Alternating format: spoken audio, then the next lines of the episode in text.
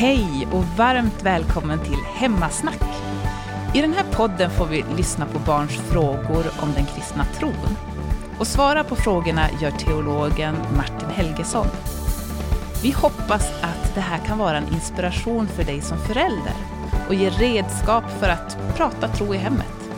Det är SALT, barn och unga i EFS som står bakom podden. Välkommen till Hemmasnack.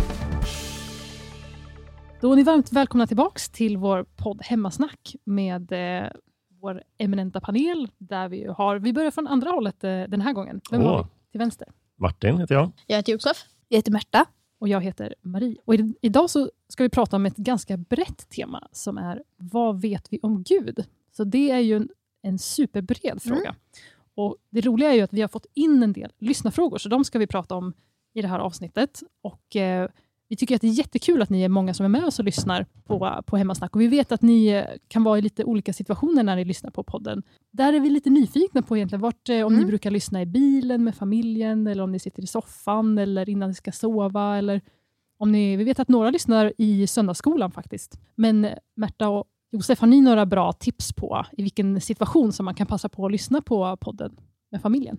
Eh, man skulle kunna göra det när man åker bil till exempel. Åker man långt så kan man lyssna. Det är bra. Får man säga när man ska sova? Ja, det får man. Man ligger där och har sina Ja. existentiella funderingar precis innan man kopplar bort medvetandet. Så Ja. det passar väl bra. Då kanske vi bara kan hälsa till våra lyssnare, kör försiktigt och sov gott, men helst inte samtidigt. Precis. Ja. Helst inte samtidigt. Ja. Med det sagt så vill vi också passa på att eh, fortsätta att inbjuda er till att skicka in era frågor. För att det, det är en ganska stor chans att man kommer få med sin lyssnarfråga Ja. förr eller senare. Men på temat Vad vet vi om Gud? så tänkte jag faktiskt återigen fråga er, Josef och Märta. Tycker ni att det är lätt eller svårt att förstå vem Gud är? Eftersom det skiljer sig lite att lära känna Gud jämfört med att lära känna en kompis som man kan prata med och som man kan se och man hör liksom en ljudbar röst. Men när man lär känna en kompis eh, Då kan man ju bara prata med den kompisen och ställa frågor och höra vad personen svarar tillbaka och, och liksom lära känna varandra genom att göra saker ihop och så. Men det kan ju vara lite på ett annat sätt att förstå vem Gud är och hur man lär känna honom. V- vad tycker ni är liksom skillnaden med att lära känna Gud och förstå vem, vem han är jämfört med en annan människa? En stor grej är att man, eller ja, man kan ju inte se honom. Mm. Så det är väl stor skillnad från att lära känna som en kompis. Där man kan liksom se och mm, röra och ja. Jag tycker det är lättare att lära känna Jesus än Gud. För det känns som att det, Jesus var, så, var en människa och då, kan man, då står det mer beskrivningar av honom i Bibeln. Mm. em, hur han var. Än vad det står om Gud. Så att då är det lättare att lära känna honom. Just det, Gud kanske är lite mer sådär svårfångad eller abstrakt på Ja. något vis. Ja. ja, men intressant. Om vi vill förstå mer om vem Gud är, så eh, på det temat så har vi fått in en, en fråga från eh, St. Pauli i Göteborg. Så hej på er, vad kul att ni lyssnar på podden. Jag vet att ni hade ju en fråga där i er söndagsskola som handlade om ifall Gud kan glömma. Här kommer den. Kan Gud glömma? När man talar om förlåtelse brukar man säga att Gud glömmer våra synder när de är förlåtna. Intressant, vilken bra fråga. Vad skulle eh, ni svara, Josef eller Marta, på den frågan? Jag tror inte Gud skulle kunna glömma något Nej.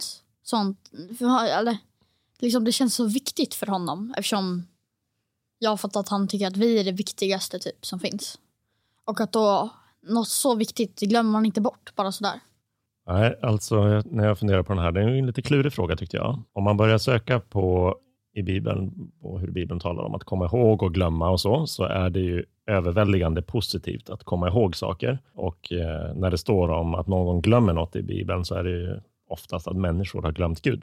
Och det finns löften i Bibeln om att Gud aldrig glömmer sitt folk och till och med när, när människor tycker att det känns som att Gud har glömt, så finns det många bibelord som säger att Gud kan inte glömma oss. Så finns det två ställen åtminstone, ett i Jeremia och ett i Jesaja, där det står att Gud glömmer våra synder.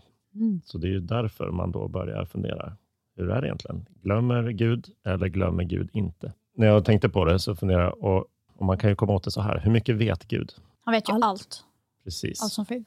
Om Gud vet allting, låt oss säga att jag har gjort, no en, eh, gjort något riktigt dumt, jag menar bara ett, som, ett, som ett exempel. Som, till rent teoretiskt. Helt hypotetiskt. Och ehm, om Gud då, och så har jag bett Gud om förlåtelse och så har Gud förlåtit det och har glömt synden och så skulle någon fråga, vad gjorde Martin Helgesson eh, 4 augusti 2019.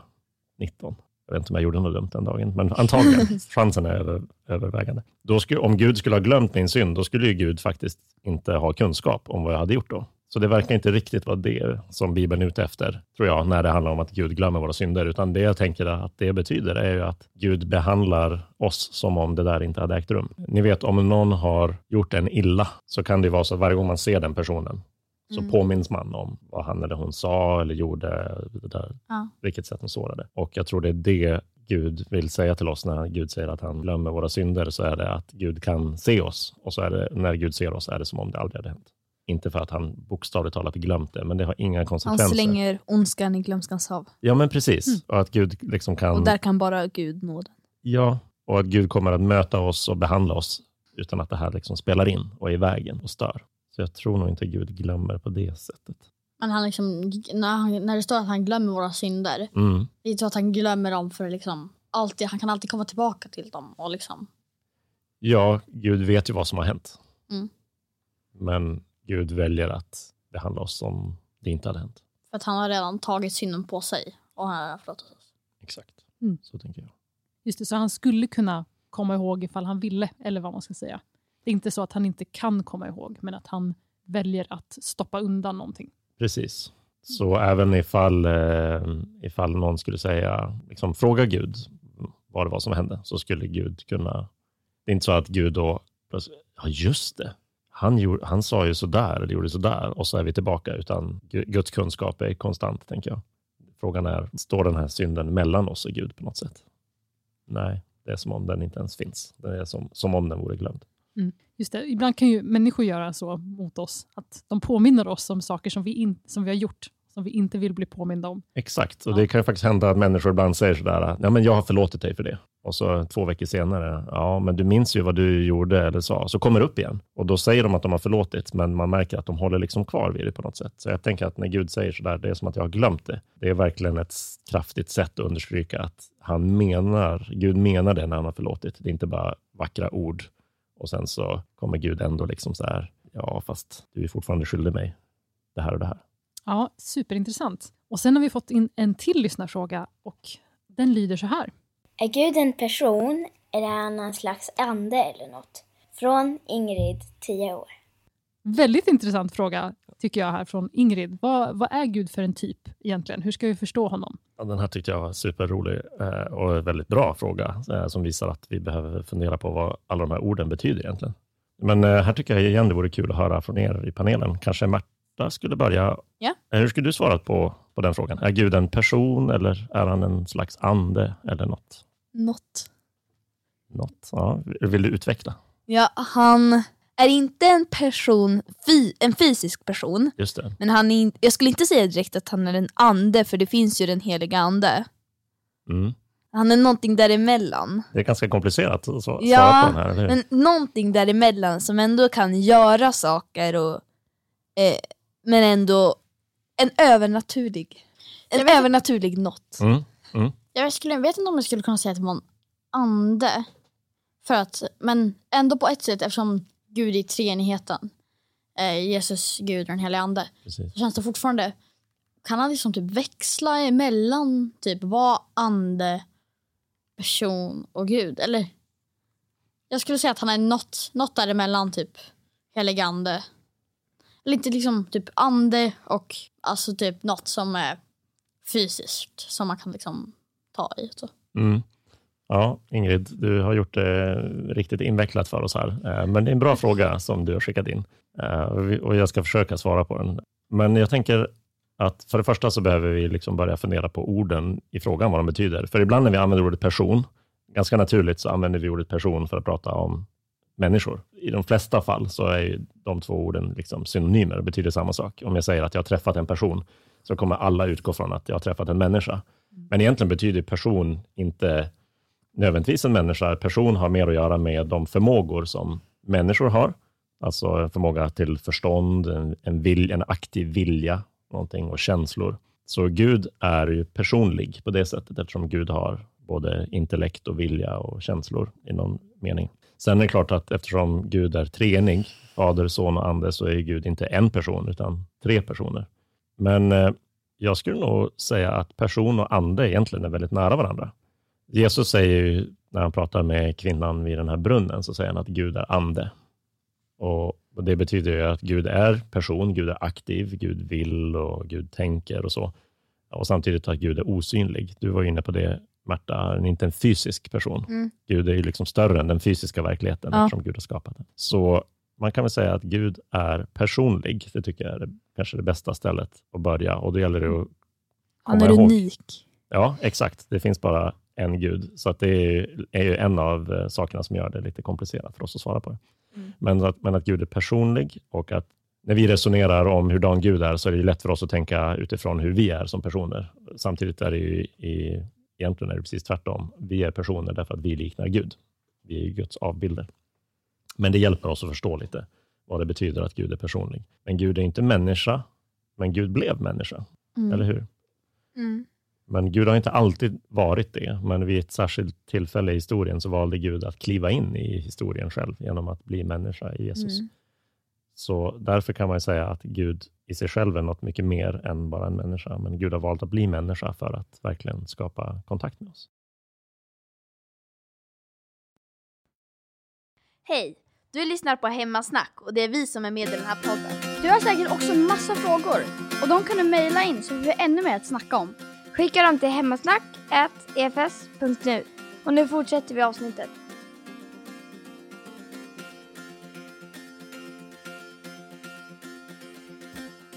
Tänkte det du sa Josef om kanske också något man kan ta på, tror jag att du sa. Ja. Och eh, jag tänkte på Thomas Tvivlaren, när han är lite så här osäker på Jesus i det här fallet. Vem är han egentligen? Då kommer ju Jesus dit och sen så säger han, du får stoppa in eh, fingrarna genom mina spikhål Mm. så får du känna på mig och förstå vem jag är. Så att, eh, jag tror att det är många där som har lite haft svårt att greppa både vem är Gud och eh, som har också haft behovet av att känna på om Gud är fysisk och om Gud är, är på riktigt. Var spikhålen så stora? Att man kunde stoppa fingret igenom? Ja, jag tror att det står det faktiskt. Eller? Ordet genom står nog inte, men i alla fall att man kan känna att, man, att Thomas kunde så att säga, Jag, inte, känner så det. att, inte så att man kunde sticka igenom så såg man fingret på andra sidan. Ja, vågar jag- jag inte spekulera om vilken dimension de använde på spikarna vid korsfästelser, men jag tror att det var ganska grova grejer. jag har liksom för, alltid föreställt mig att han liksom stack igenom fingrarna rakt genom händerna. Har inte ni tänkt så? Ja, Eller? intressant. Men jag tänkte att det är så ett stort hål och så tar du upp typ halva handflatan. Så stoppar han in två fingrar och kan så här stoppa igenom dem. Ja. Och det är då han förstår. Det är Gud. Det Jesus. Jag har alltid tänkt typ så här att eh, det är bara ett litet ett märke. Mhm. För det är så det, man ritar på alla bilder. Ja. Och så typ känner och så kände han på det. Men bara för några veckor sedan då läste jag någon bok eller så. Och så att eh, man kunde stoppa ett finger i. Mhm. Ja. Man har bildat sig en uppfattning. Vi vet inte riktigt hur det var, men han fick i alla fall känna på, på hans händer. Det är lätt att fylla i eh, med sina egna, liksom, de detaljer som inte står fyller man ofta i. Men det är ju precis det här som flera av författarna i Nya Testamentet understryker så tydligt, hur häftigt det är att Gud som är osynlig och bortom allt som är större än universum blev människa. Liksom Johannes skriver sådär att vi har sett med egna ögon, hört med egna öron, rört vid med våra egna händer. Och att det är något ofattbart stort att Gud blev människa på det sättet och blev så konkret började ju prata med det, hur det kan vara lättare liksom, att lära känna en människa, för att vi kan se och vi kan interagera med en människa på ett helt annat sätt. Det tänker jag är väl en av de stora poängerna, just med att Gud valde att bli människa. Den andra är såklart att bana väg för oss till Gud. Inte bara, vi behöver mer än bara kunskap om Gud, men definitivt att det är en del av skälet till att Gud ville bli människa, att vi ska kunna lära känna honom. Ibland känns det som Gud är typ en programmerare och så programmerat liksom hela världen och hela universum. Och sen så har han liksom programmerat till att vi ska kunna göra allt, alla de här olika grejerna. Och sen så har han liksom typ, som i filmer, Mm. så, så sugs de in i spelet. Och så det liksom som att det var så han kom ner. Och att det är så det känns. Alltså det, är det känns som man ibland typ programmerar. Det är så här programmerat hela världen. Ja. Ja, Jag tänker att det är en av flera intressanta bilder av hurdan Gud är utifrån yrken. så att säga. Gud är, man kan ju tänka Gud som en regissör Ja. eller en Gud som en programmerare som bygger en värld, vilket ju programmerare faktiskt gör. Det är något, Ja. något ganska likt Gud som programmerare kan ägna sig åt. Eller att Gud är en författare är ett annat sätt att tänka sig att Gud berättar, skriver världens historia. ja, och kan liksom ändra saker Mm. med bara typ ett knapptryck så kan han ändra hela världen. Det är liksom coolt. Tycker du att Jesus borde ha passat på att, eh, nu när han kom in i skapelsen, att han borde ha passat på att liksom ge sig själv några fler fördelar, nu när han ändå är du vet, den som har byggt hela världen, så att säga? Ja, exakt. Jag tycker verkligen att han borde gett sina, sig själv lite buffs. Så att han var lite starkare, snabbare och så. Ja, just det. Lite fler skills. Ja, Då skulle han ju inte varit människa och kunna ta på sig alla synder. Mm. Ja, det är intressant det här med att valde att begränsa sig, fast det var han som hade byggt hela det här spelet, eller hela världen. Mm. Men en människa kan ju inte det. Vad, men, vad menar du? Ja, men vi sa ju tidigare att Jesus han kunde ta på sig alla synder eftersom han var människa. Ehm, och det var det liksom som, när vi pratade om att man offrade lamm Mm. och så förut. Men om han kunde alla de där sakerna, liksom springa snabbare och vara starkare och så, Mm. då, hade, då hade han inte varit ute i fingertopparna människa. Mm. Då hade han varit någon slags övermänniska. Ja, Ja. en blandning mellan gud och människa. Som typ superhuman. Som är, Och han kom ju till jorden för att vara människa. ja, men precis, så att vi kan identifiera oss med honom. Ja. Ja, men verkligen. Och det är ju, jag menar, vi ser det i, i eh, evangelierna hur Jesus blir hungrig, Jesus blir törstig, Jesus blir trött. Samma person som då kan liksom ta några limpor bröd och mätta tusentals personer säger att han är hungrig och ber andra om mat eller ber andra om vatten. Så det är uppenbart att Jesus liksom inte bara ja, skaffar sig en massa eh, fördelar för sin egen skull, utan de, eh, den kraft som han hade tillgång till, den använde han ju för andras skull istället. Då är jag lite nyfiken på vad Josef och Märta, hur skulle ni liksom sammanfatta det här med hur man ska förstå Gud, om han är en person eller ande, utifrån vad, vad Martin sa? Fick ni med er någonting, eller vad var det som ni tog med er från? Hur man ska förstå, förstå Gud. Oh, en svår fråga. Jag skulle nog sammanfatta det på typ att Gud är någonting man inte kan förklara. Han bara är. Fast han kan också vara någonting som vi kan typ prata med. Som din bästa vän till exempel. Mm, ja, just det. Jag håller med Josef. Ja, precis. Vi, Gud är väldigt mycket större än vad vi kan förstå. Och sen så vet vi också att han är tre Mm. i en på något vis. Att han är både fader, son och ande. Så att Gud är personlig och vi kan prata med honom. Och så blev han också fysisk och blev människa så vi kunde förstå ännu bättre vem Gud är i Jesus. Ja, superintressant och tack för den frågan Ingrid. Eh, och fortsätt gärna att skicka in eh, fler lyssnarfrågor så tar vi gärna med dem i podden. Ja. Men då får jag tacka för det här avsnittet, för diskussionen. Hej då! Hejdå! Hej då! Hej då! Hej då!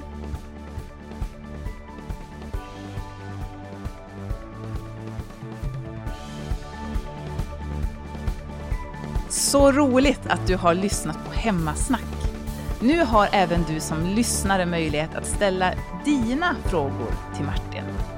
Maila gärna frågorna till hemmasnack snabel-a efs.nu. Det är